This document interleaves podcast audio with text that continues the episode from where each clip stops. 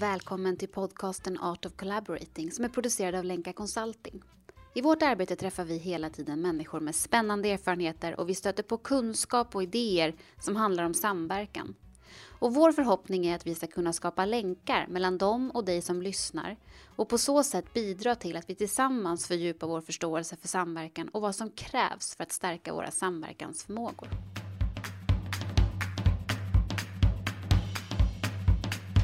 Jag heter Matilda Ardenfors och jag driver tillsammans med Anna Singmark och Caroline Bottheim Länka Consulting. Anna och Caroline är författare till boken Att lyckas leda i samverkan. Och I dagens avsnitt så pratar jag med Anna och Caroline om organisering och samansvar och hur vi kan ta ett ägarskap tillsammans i samverkan. I boken Att lyckas leda i samverkan så finns ett kapitel som inleds med frågan Hur tar vi ett ägarskap tillsammans? Och det handlar om det som ni benämner som organisering och samansvar. Vad menar ni med organisering och samansvar? Vad ryms i de två begreppen? Ja, vad ryms i de två begreppen? Anledningen till varför, att vi, varför vi lyfter det här handlar ju om att vi ser att det blir väldigt viktigt att vi tar ett ägarskap tillsammans för, för samverkan, för helheten.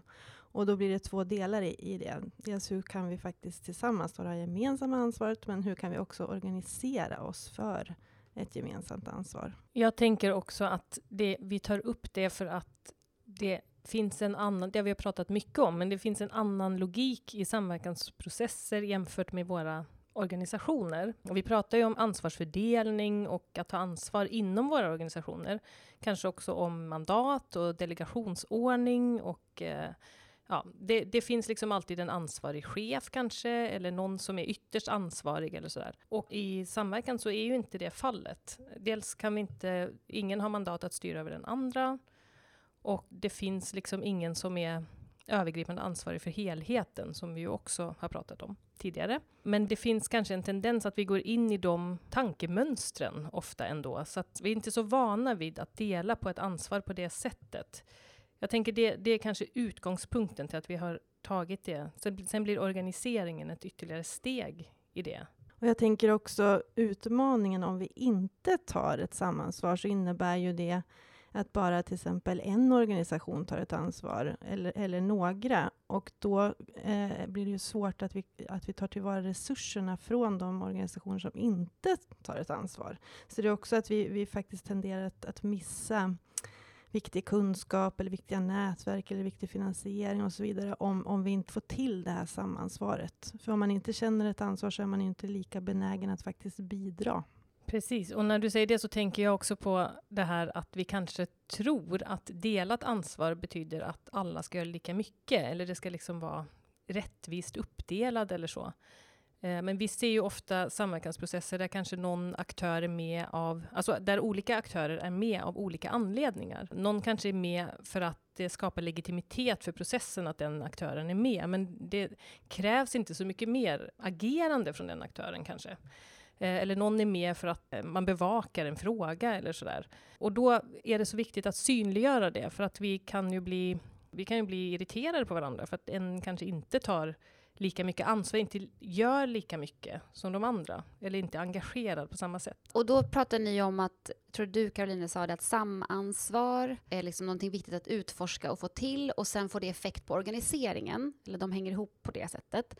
Och då i kapitlet så kommer ni ju väldigt snabbt in på det här med involvering av hemorganisationer som en viktig liksom, beståndsdel i samansvaret. Kan ni utveckla det? Varför är det viktigt? Det är ju väldigt viktigt för att egentligen få till förändring. För det är ju inte enbart de individer som sitter i en samverkansgrupp som ska få till den här förändringen, utan det är ju också de involverande organisationerna som i sig ska kanske göra på ett nytt sätt eller eh, bidra på nya sätt. Så utan den där förankringen i hemorganisationer kan det var svårt att faktiskt få, få till någonting. Vi har ju erfarenheter av också att, att en grupp av människor Eh, samverkan mellan organisationer och det går jättebra och man skapar ny mening tillsammans, man kommer på nya lösningar och sen har man då, ja men kan det vara utmanande att faktiskt få, få till de här nya lösningarna i organisationerna, för, för organisationer är helt enkelt inte med på tåget. Ja, och det tänker jag också är en sån, ett tankemönster som vi kan hamna i ofta, att vi tänker att ja, men vi tillsätter en liten grupp som tänker lite klokt tillsammans kring hur vi kun, skulle kunna utveckla en samordningsprocess, eller vad vet jag, ett eh, nytt ett gemensamt arbetssätt eller så, en samverkansprocess. Och sen så går vi tillbaka och så bara eh, implementerar vi det på varsitt håll. Att, vi liksom, att det sker i efterhand. Att vi kommer med lösningen tillbaka till våra organisationer och säger så här. Det här har vi kommit på, nu gör vi så här. Och det är ju det som oftast inte fungerar. Vi, hör, vi ser ju många processer där just den här framtagandet av en lösning i samverkan eh, har var, blivit väldigt bra. Och man uppskattar det, men sen så händer ingenting efteråt för att det stannar upp. Liksom. För vi har, inte, ja, vi har inte involverat från början. Och jag tror att där har vi någon... Det som, som jag tycker att vi hör eller som kan hända, tänker jag, det är att man är i en samverkansprocess som är lite vid sidan om. Den är riggad lite som att den sker vid sidan om.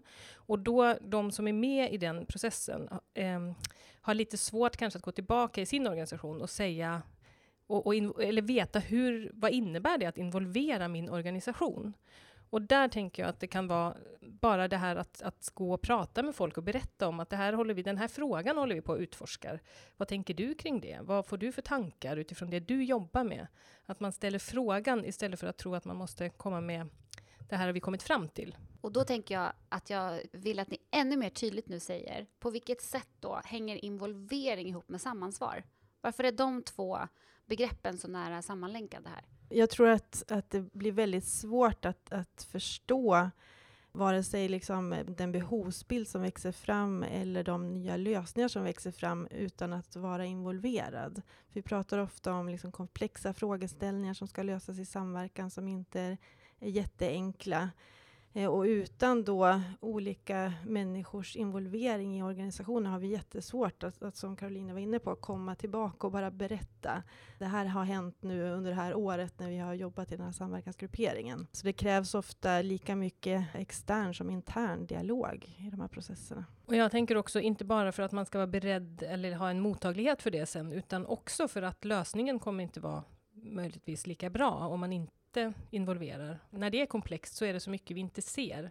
Och det enda sättet att ta reda, eller få in, ta reda på det eller få in det, det är ju att gå och fråga de som håller på med det. Och vi kanske inte ens vet vem i vår organisation som den här processen egentligen skulle vara intressant för vi ser ju på samverkan som, som någonting som faktiskt ska bidra till nya lösningar, som inte bara ska vara att vi, vi sitter och samtalar, utan att, att det faktiskt ska leda till eh, ja, men innovation eller nya lösningar. Och då per se så innebär ju det någonting som också kan störa lite grann i den befintliga organisationen. Så det är ju också ett eh, kan ju också vara ett skäl till, tänker jag, att, att involvera. Om vi faktiskt ska få till den där implementeringen av någonting som är nytt så måste, man, måste vi förstå det tillsammans hur vi ska skapa möjligheter för implementering. Ja, och nu när vi sitter och pratar om det här, jag bara märker själv att det är lite svårt att prata om det på något sätt. Och jag bara tänker så här, varför är det så svårt? Och då tänker jag också att jag tror att, att egentligen så kan det också vara svårt att prata om att ta sitt ansvar överhuvudtaget, liksom generellt. Att det inte ens handlar om sammans... Alltså, men att ta ett ansvar tillsammans för att verkligen eh, tänka nytt och komma med nya lösningar. Det är så, det utmanar oss tror jag, för att vi på så många sätt, för att vi också behöver släppa på, eller vi behöver komma, vad ska jag säga, men vi behöver ta det så mycket på allvar, det vi är i på något sätt. Ni är inne på, och det jag eh, liksom söker efter lite är det man tänker sig en, en konstellation av aktörer som samverkar och så tänker vi att vi vi tycker det är viktigt att, att man tar ett samansvar, så innebär ju det att det är eh, liksom lika mycket fotarbete på hemmaplan som inne i den här samverkansgrupperingen. Att, att ta ett samansvar för en fråga är att hela tiden involvera och fundera över hur ser hemkontexten ut?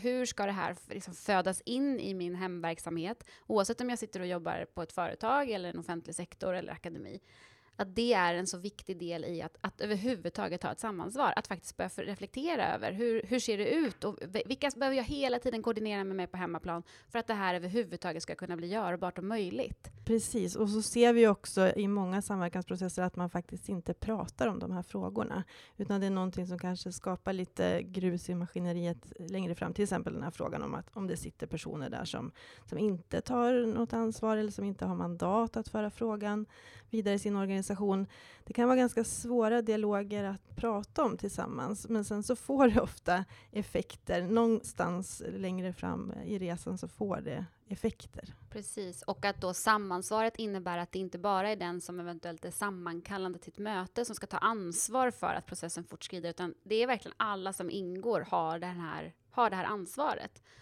För att det är därför man sitter med i den här konstellationen, för att allas perspektiv i, kopplat till den här frågan som ska lösas är viktiga. Ja, och egentligen så då tänker jag att det finns en sån möjlighet med just sådana samverkansprocesser, för jag tror att vi sitter på väldigt många möten inom våra organisationer eller sådär överhuvudtaget, utan att egentligen ta så mycket ansvar för vad ska egentligen hända på det här mötet? Eller vad, varför sitter vi här? Och vad ska vi göra? Och vad tycker jag egentligen om den här frågan? Jag tror att vi gör så mycket bara liksom per automatik ibland. Och, eller vi har möten som inte leder någon vart kanske, och ingen tar ett ansvar för att eh, skapa ett bättre möte. Och egentligen i samverkan så det finns en möjlighet i det att alla är där lite på frivillig basis, eller att engagemanget inte kan tvingas fram. Eller det blir så tydligt att det räcker inte att bara ha något formellt liksom, beslut om samverkan. Man måste gå in med sig själv lite mer egentligen. Och det är både svårt, men i samverkan kanske man kan pressa fram det lite mer. Precis, och du var inne på drivkrafter och då tänker jag att att det kan ju vara olika aktörer som tar ett, ett samansvar under en period och sen är det andra. Det är ju inte alltid säkert att i en gruppering om 50 aktörer att alla 50 tar, tar lika mycket ansvar samtidigt, utan det handlar ju också mycket om ja, men vilken drivkraft har min organisation i den här frågan? Är den här liksom angelägenheten så pass hög så att jag, vi vill liksom ta mer ansvar? Så ja, det är en dynamisk faktor även detta. Det här är ju så spännande, för väldigt många av dem vi träffar eh, som är samverkansledare, som, som hamnar i de här sammanhangen och driver processer, hamnar ju ofta i ett läge när de driver på för mycket, eller de tar på sig för mycket ansvar, eller får det av andra. Och då, då skriver ni i det här kapitlet en hel del om positionering. Eh, som är liksom egentligen en begrepp och förståelse kring vad som kan hända och hur man kan hantera när, när det blir så här att inte alla tar det där samma ansvaret. Vill ni utveckla det? Vad, vad, menar ni med positionering och hur kan det yttra sig? Ja, men vi eh, menar med positionering att så fort vi sätter oss i ett rum tillsammans och, och liksom börjar interagera med varandra så positionerar vi oss gentemot varandra. Det är liksom ett, en del av eh, vårt samspel, alltid. Liksom. Och det är att vi kanske innebär att vi tar olika roller, att kanske någon håller i mötet och de andra sitter lite mer tysta eller låter sig ledas genom mötet av en annan person. Men det kan ju också bli att någon tar väldigt mycket plats, vilket leder till att de andra backar lite. Eller att vi kanske positionerar varandra utifrån att vi har en bild av att den här människan kommer från den där organisationen och har säkert det här perspektivet med sig in. Eller den här människan kommer från den där myndigheten och de brukar ju aldrig kunna leverera någonting. Eh, för det är min erfarenhet av det. Liksom. Och då, då, positionerar vi varandra och det påverkar ju väldigt mycket vad vi säger till varandra och inte säger. Och det vi ser i olika samverkansprojekt och processer idag är ju att, att det kan vara en eller flera personer som har en uttalad processledarroll till exempel, eller projektledarroll. Och den personen har ju, eh, det är väldigt eh, ofta som den personen blir positionerad till att, att egentligen ja, men informera hela det övriga systemet om hur samverkan fortsätter fortskrider, liksom vara den person som har koll på något sätt på, på helheten. Medan så sitter det ett gäng runt bordet som ju också har en jätteviktig funktion i systemet och då kan det ju blir ibland så att, att det blir ett antal personer som lutar sig tillbaka och tänker ja men vi har ju en processledning här, eller vi har en projektledning. Är det inte de som ska fixa den här samverkan åt oss?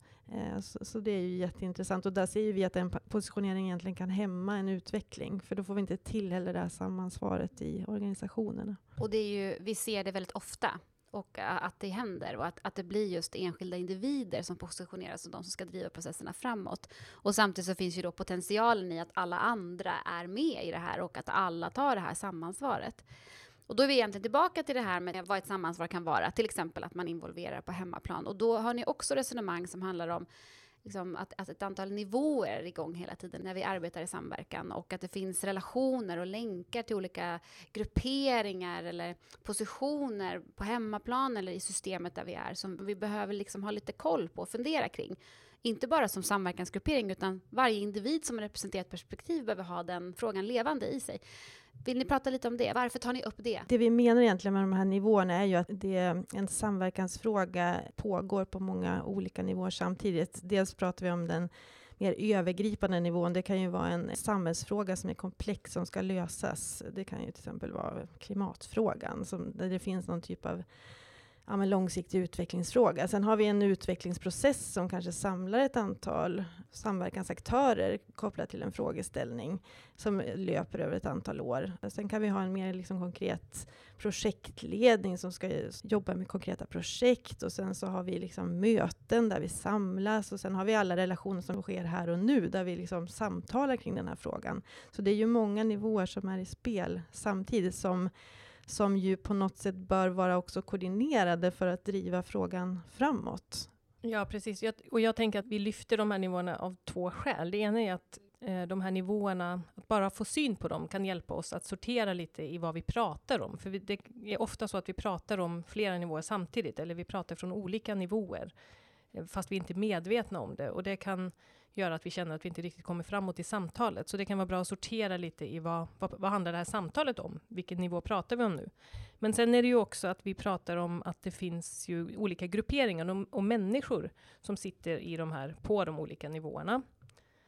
Och att där kanske det skulle gynna processen lite att ha lite mer dialog mellan de här grupperingarna. Det är det vi också ser, att det finns en tendens att vi liksom håller samtalen inom de grupperingarna, om det är en styrgrupp, eller om man tänker det finns en finansiär eller en beställare av någonting eller en uppdragsgivare, eller någon som har liksom den, som initierar det här. Och så finns det en styrgrupp kanske, och så finns det en operativ projektgrupp.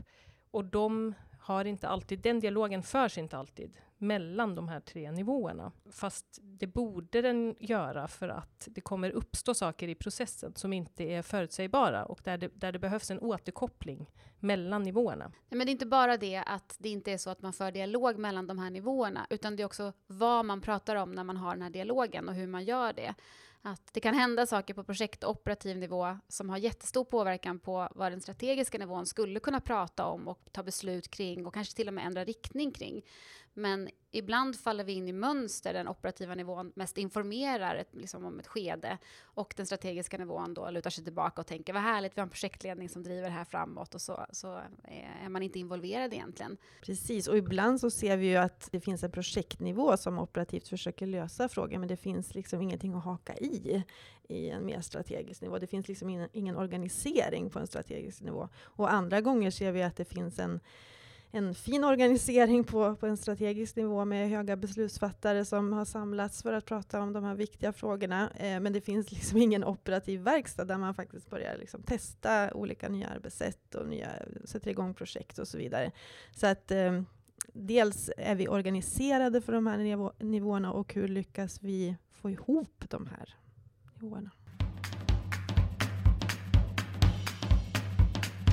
Ja, och jag tänker också att vi pratar ju om organisering såklart, för vi pratar inte om organisation, för det är ju ingen stabil organisation vi bygger, men vi bygger ju en organisering och det kan ibland leda till att vi också för, kan förlita oss lite på att ja, men nu har vi ju den här styrgruppen. Ja, men nu, de kommer nog ta sitt ansvar. Att, att vi liksom blir lite nöjda när vi har skapat en, eh, när vi har organiserat oss i grupperingar. Eh, och eh, och det, och det kan vi ju inte göra riktigt, för det är inte det det, är inte det, det handlar om. Jag tycker det är intressant också när vi, om man ja, kopplat till samansvar, eller ansvar överhuvudtaget, om man tittar på våra organisationer, så kanske det är det som är en liten svag punkt i det, att vi har organiserat så mycket och liksom organiserat så perfekt på något sätt, så att vi bara litar på att det här kommer gå jättebra om jag bara sitter här i min lilla ruta och, och går på de där mötena. Eh, istället för att, eh, nu bara tänker jag verkligen högt här, eller pratar medan jag tänker, men, men jag tänker verkligen att eh, vi har tappat lite av det här att verkligen ta ett ansvar för det vi befinner oss i. Den risken finns i samverkan också när vi liksom organiserar oss. att vi då bara liksom lutar oss lite tillbaka och inte längre är på tårna vad gäller liksom, vad gynnar processen nu? Vem behöver veta vad? För egentligen är det det du sa Matilda, med att vi vet inte riktigt vad vi ska prata om eller när vi ska prata om vad. Egentligen så tänker jag att vi vet det. Men vi tror ibland att nu ska vi bara prata om det här, för nu möter vi styr. De förväntar sig någonting. Alltså vi, vi vågar inte riktigt vara transparenta med det vi kanske egentligen tänker. Det tänker jag är en del av samansvaret, att också vara transparent och liksom säga så här eh, ser jag på läget just nu. Och, och sen också eh, det vi ju pratar om i boken om formerna för samtal. Har vi former för samtal som gynnar vår förmåga att ta det här samansvaret? Det är ju också jättespännande. Vi ser ju till exempel i olika styrgrupper och, och, och styrelser att man är ganska van att eh, komma till ett möte och så får man en avrapportering. Eh, Medan det här eh, kopplat till samverkan handlar mycket om hur kan vi tänka tillsammans kopplat till en ny framtid. Och så kanske vi då har mötesformer som egentligen inte gynnar att tänka tillsammans. Så det där tycker vi är väldigt spännande. Hur kan vi samtala på nya sätt som gör att vi ökar mobiliseringen och faktiskt gynnar samansvaret? Ja, så om man ska koka ner det här till lite sådär eh, tankar om hur man kan göra om eh, man som samverkansledare befinner sig i ett läge att nej, men jag vill aktivera ett ökat samansvar i den här grupperingen, både i min operativa grupp kanske, men också i min styrgrupp eller andra viktiga aktörer som, som finns i forum som är, som är centrala för ens fråga. Vad ska man göra då? då? Det där är ju en knivig fråga och vi har säkert många olika tankar kring det där. Så det, det handlar ju om allt, tänker jag, till själva mötesformen. Eh, när vi samlas på möten, är det upplagt för att den som ska vara projekt eller processledare ska liksom driva hela mötet och informera de andra? Eller kan vi få till liksom en, en annan typ av samtal där, där också samverkansaktörerna får, får fundera på hur de kan bidra in i den här lösningen? Att vi också kan föra samtal om hur får vi till ett ökat samansvar och en organisering i den här samverkan. Det är ju inte heller att en aktör kan sitta på sin kammare egentligen och, och vara arkitekt för alltihopa och fundera på. Det tror jag också är vanligt.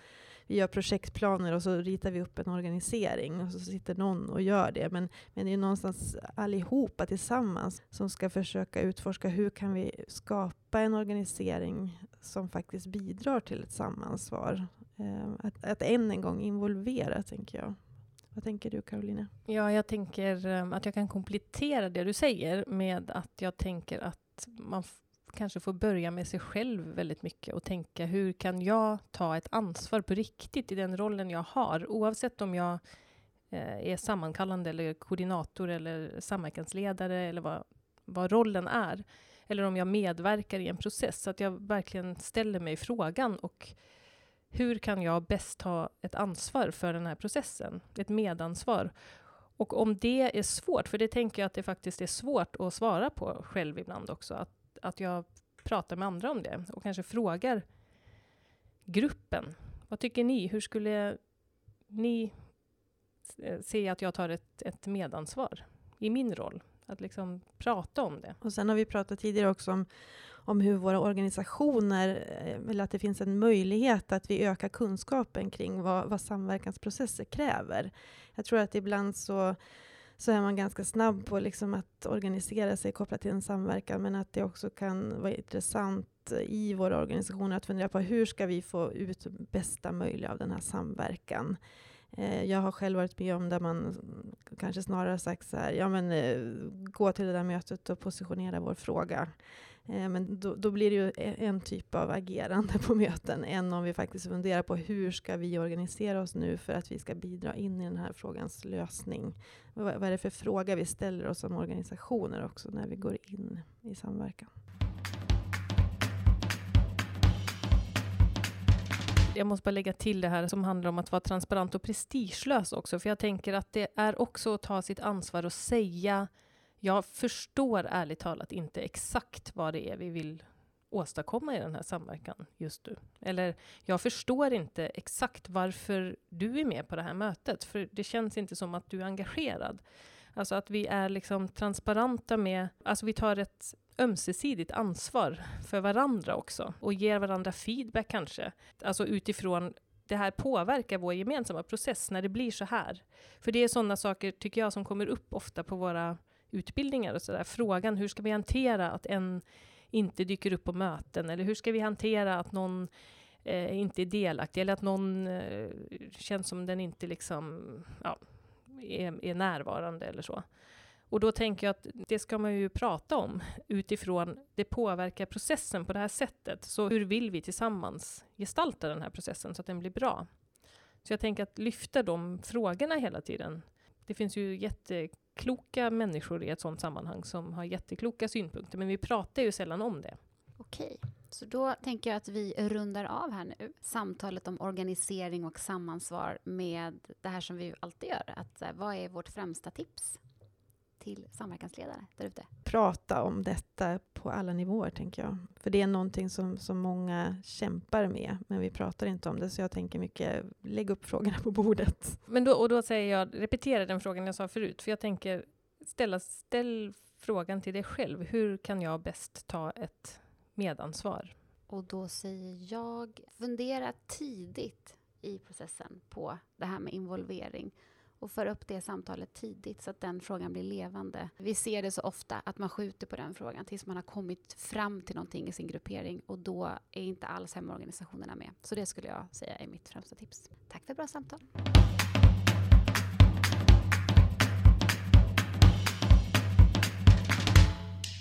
Tack för att du har lyssnat. Art of Collaborating är producerad av Lenka Consulting och redigering görs av Emma Larsson som är skribent och dokumentärfilmare. Vi hoppas att du känner dig inspirerad och motiverad att fortsätta utforska och stärka dina samverkansförmågor.